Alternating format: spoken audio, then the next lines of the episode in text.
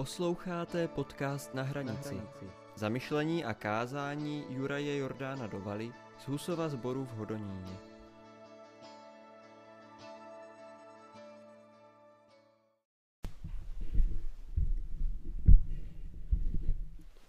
Čteme ze slov svatého Evangelia podle Jana.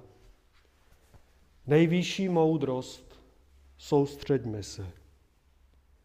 Ježíš řekl, já jsem dobrý pastýř. Dobrý pastýř položí svůj život za ovce. Ten, kdo není pastýř, kdo pracuje jen za mzdu a ovce nejsou jeho vlastní, opouští je a utíká, když vidí, že se blíží vlk. A vlk ovce trhá a rozhání. Tomu, kdo je najat za mzdu, na nich nezáleží. Já jsem dobrý pastýř. Znám své ovce a oni znají mne tak, jako mě zná otec a já znám otce. A svůj život dávám za ovce. Mám i jiné ovce, které nejsou z tohoto ovčince. I ty musím přivést. Uslyší můj hlas a bude jedno stádo a jeden pastýř. Amen.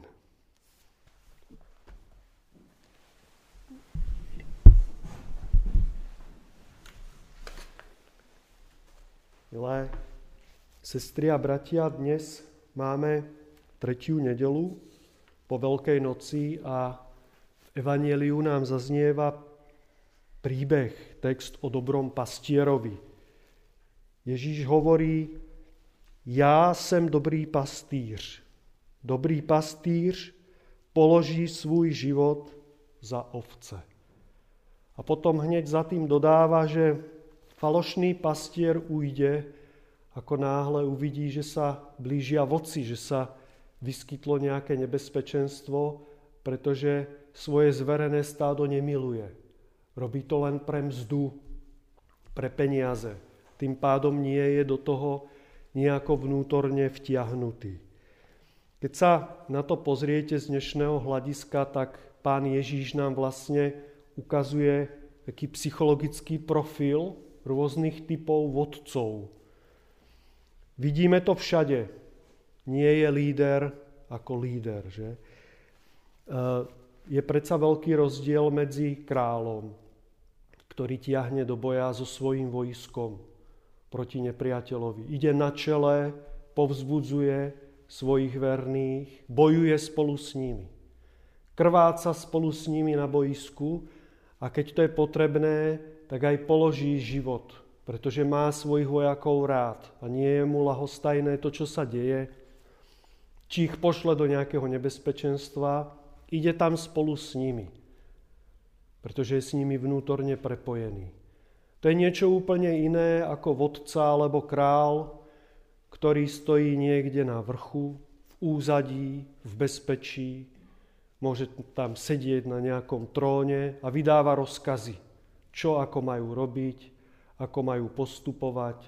Z bezpečia, spokoja, nemá problém poslať vojich, svojich vojakov do veľkého rizika, kde možno hrozí úplne jasná prehra, pretože on medzi nimi nie je. On nie je do toho zaangažovaný.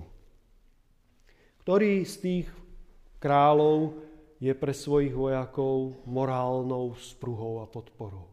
Ktorý z nich je presvedčivý? Samozrejme, že ten prvý, pretože ten prvý dýcha spolu s nimi a cíti spolu s nimi, je jeden z nich. Vidíme to aj dnes, keď sa presuniem do našej peknej českej kotliny. Mali sme prezidenta, ktorý za minulého režimu bol prenasledovaný. Bol prenasledovaný sedel vo vezení, nasadzoval svoj krk a bol perzekvovaný. On tam nemusel sedieť, mohol žiť pokojný život socialistického človeka, ktorý má svoju strechu nad hlavou, svoju prácu, svoj kľud a čiernobielu televíziu, ktorú si môže večer zapnúť prvý alebo druhý program. Mohol to takto mať, ale pre Havla boli hodnoty, duchovné hodnoty, slobody a ľudskosti dôležitejšie než jeho vlastné pohodlie. Ja ho samozrejme nechcem idealizovať vôbec. Bol to človek s chybami, tak ako každý z nás. Je to úplne normálne a legitímne. O tom nehovorím. Nerobím z neho žiadneho svetca. Ale čo chcem zdôrazniť je to, veľkého človeka a autentického vodcu spoznáte vždy podľa toho, že slúži morálnym hodnotám. Že morálne hodnoty sú pre ňoho dôležitejšie a je ochotný sa pre ne obetovať, než jeho vlastný život. Aj keď robí chyby. To je v poriadku. Je. Politické rozhodnutia sú niekedy dobré, niekedy menej dobré a niekedy sú priamo zlé. Ale ak vidíte, že ten človek slúži celku, že je pre ňoho dobro národa dôležitejšie než jeho vlastné, tak podľa toho vždy spoznáte autentického vodcu. On slúži transcendentným hodnotám. Aké sú to transcendentné hodnoty? To sú tie, ktoré sa nedajú odmerať ani odvážiť, pretože nie sú vyrobené z hmoty. Sú to duchovné hodnoty. Láska, pravda, čestnosť, pravdovravnosť, poctivosť, že? Nejakým spôsobom ich nemôžeme odmerať, ale napriek tomu sú úplne jasné. Keby sa vtedy systém v tom 89. roku nezmenil, keby bolševik nepadol, tak Havel by do konca života zostal prenasledovaným psancom. Do konca života by to tak bolo. Nič by to na jeho konaní nezmenilo. Nič. Neprišiel by čas, že už by mal, ja neviem, 70 rokov a zrazu by si povedal, no, ja neviem, koľko rokov života mi ešte zostáva, už mám svoj vek, už to nemá cenu. A povedal by pred spoločnosťou, ten komunizmus nebol až taký zlý. On, on nie je až taký zlý. No, Povedal by, vlastne máme pravdu so Sovietským zväzom na väčšie časy a je to náš vzor. Obrátil by a posledné roky svojho života by dožil v kľude, v pohodlíčku. On by to, nikdy by to neurobil. Tam nebol žiadny kalkul, že veď už to musí prísť. Pretože to nebola žiadna hra. To bola viera. Viera, hlboké presvedčenie, že pravda a láska skutočne zvíťazia nad lžou a nenávisťou. Toto bola jeho hlboká najvnútornejšia viera, ktorú by nikdy nejakým spôsobom neotočil, pretože s ňou bol bytostne stotožnený. Takto koná skutočný vodca. Nikdy nezradí svoje ideály, ideály, v ktoré verí. Nech sa deje čokoľvek. Teraz máme iného vodcu, premiéra, ktorý v minulom režime mal skvelé obchody, darilo sa mu. Teraz má takisto výborný biznis a darí sa mu.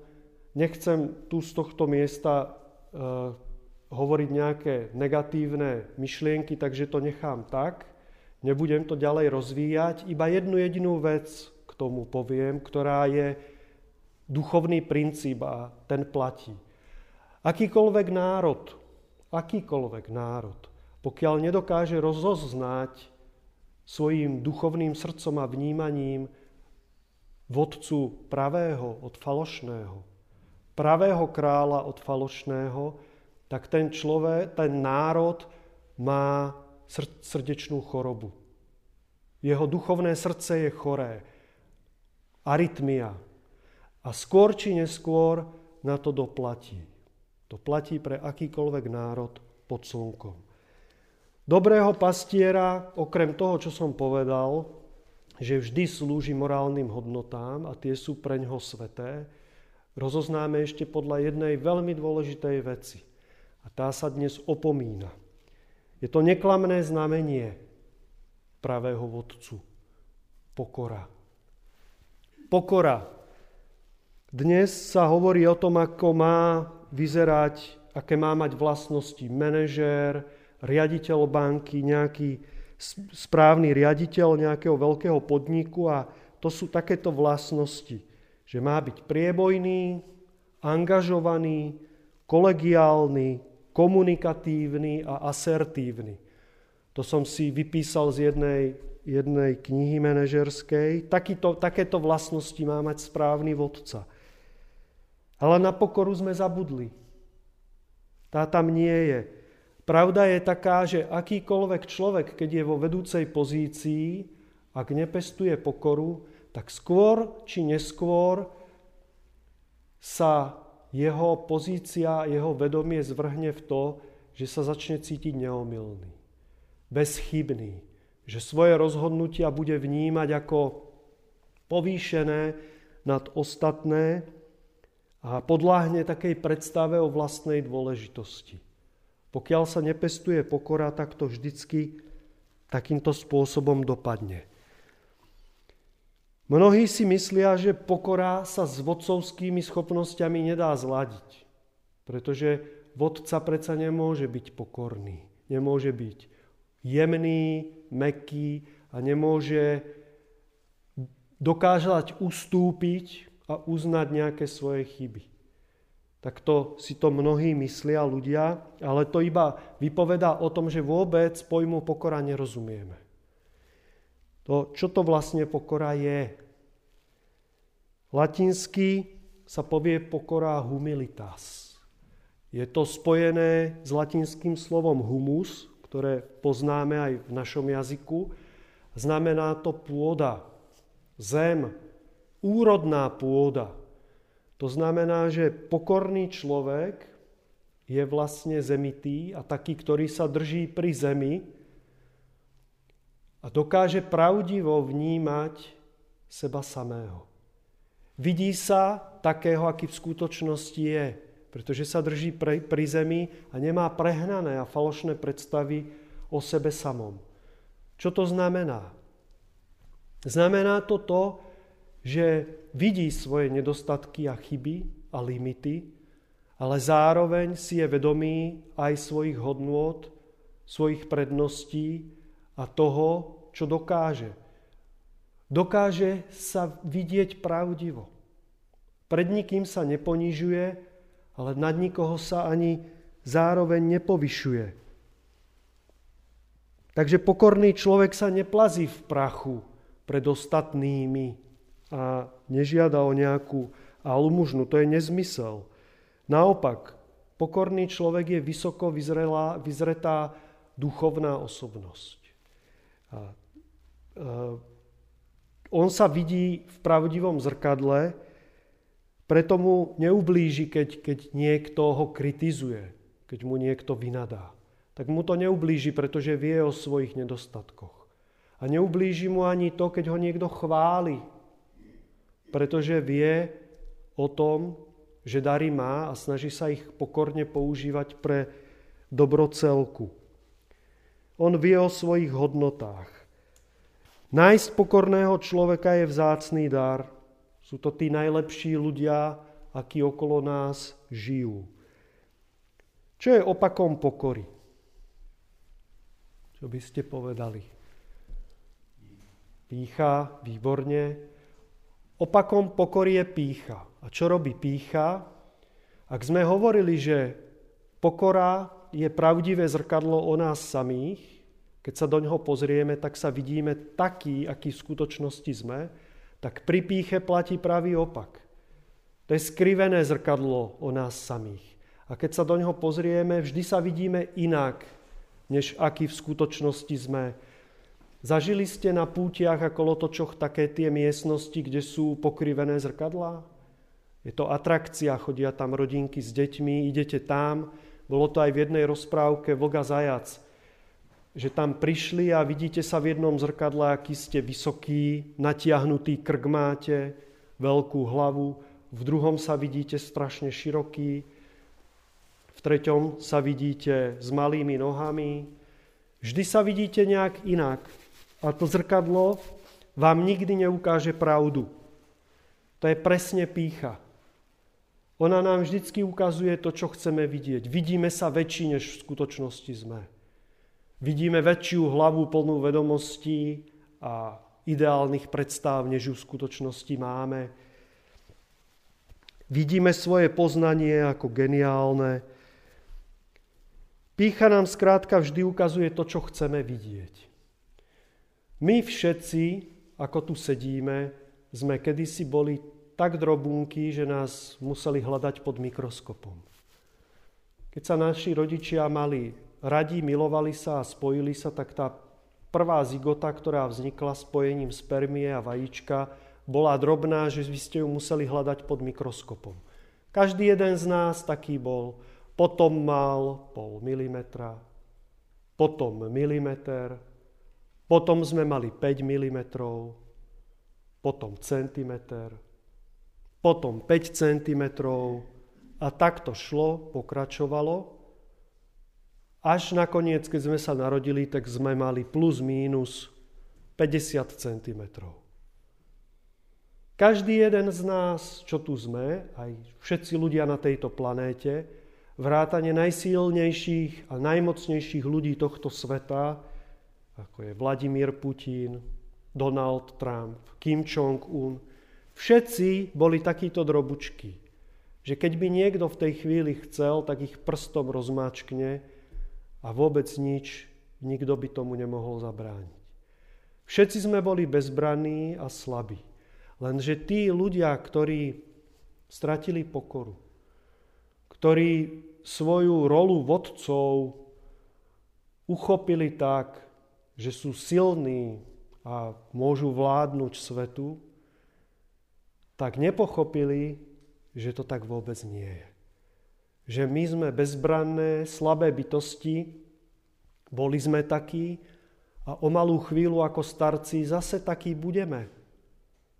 To je naša pravda. To je naša realita. Boli sme odkázaní ako drobunky na pomoc druhých, na lásku druhých a zase za chvíľu budeme odkázaní na pomoc a lásku druhých. Preto práve vodcovstvo sa musí prejavovať v jedinej veci.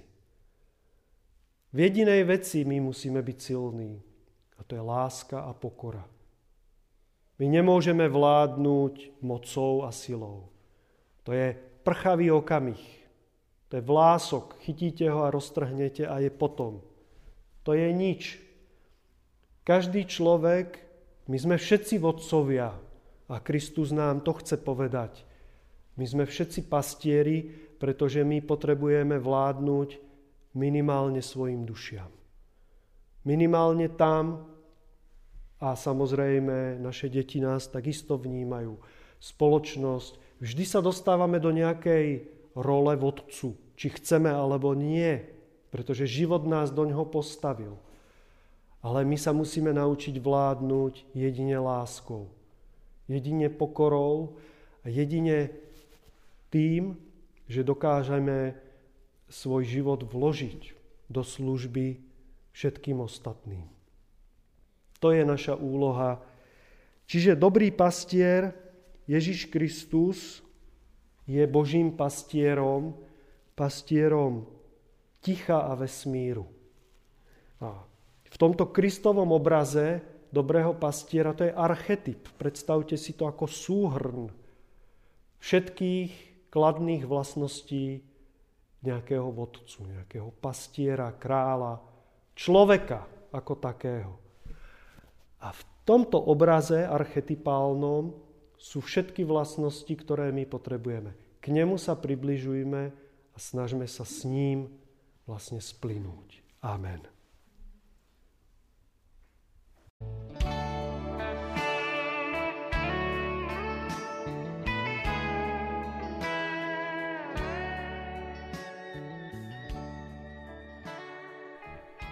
A nezapomeňme, láska přemáhá každé zlo. Láska odpouští, láska léčí, láska nás sjednocuje s Bohem, pramenem všeho bytí.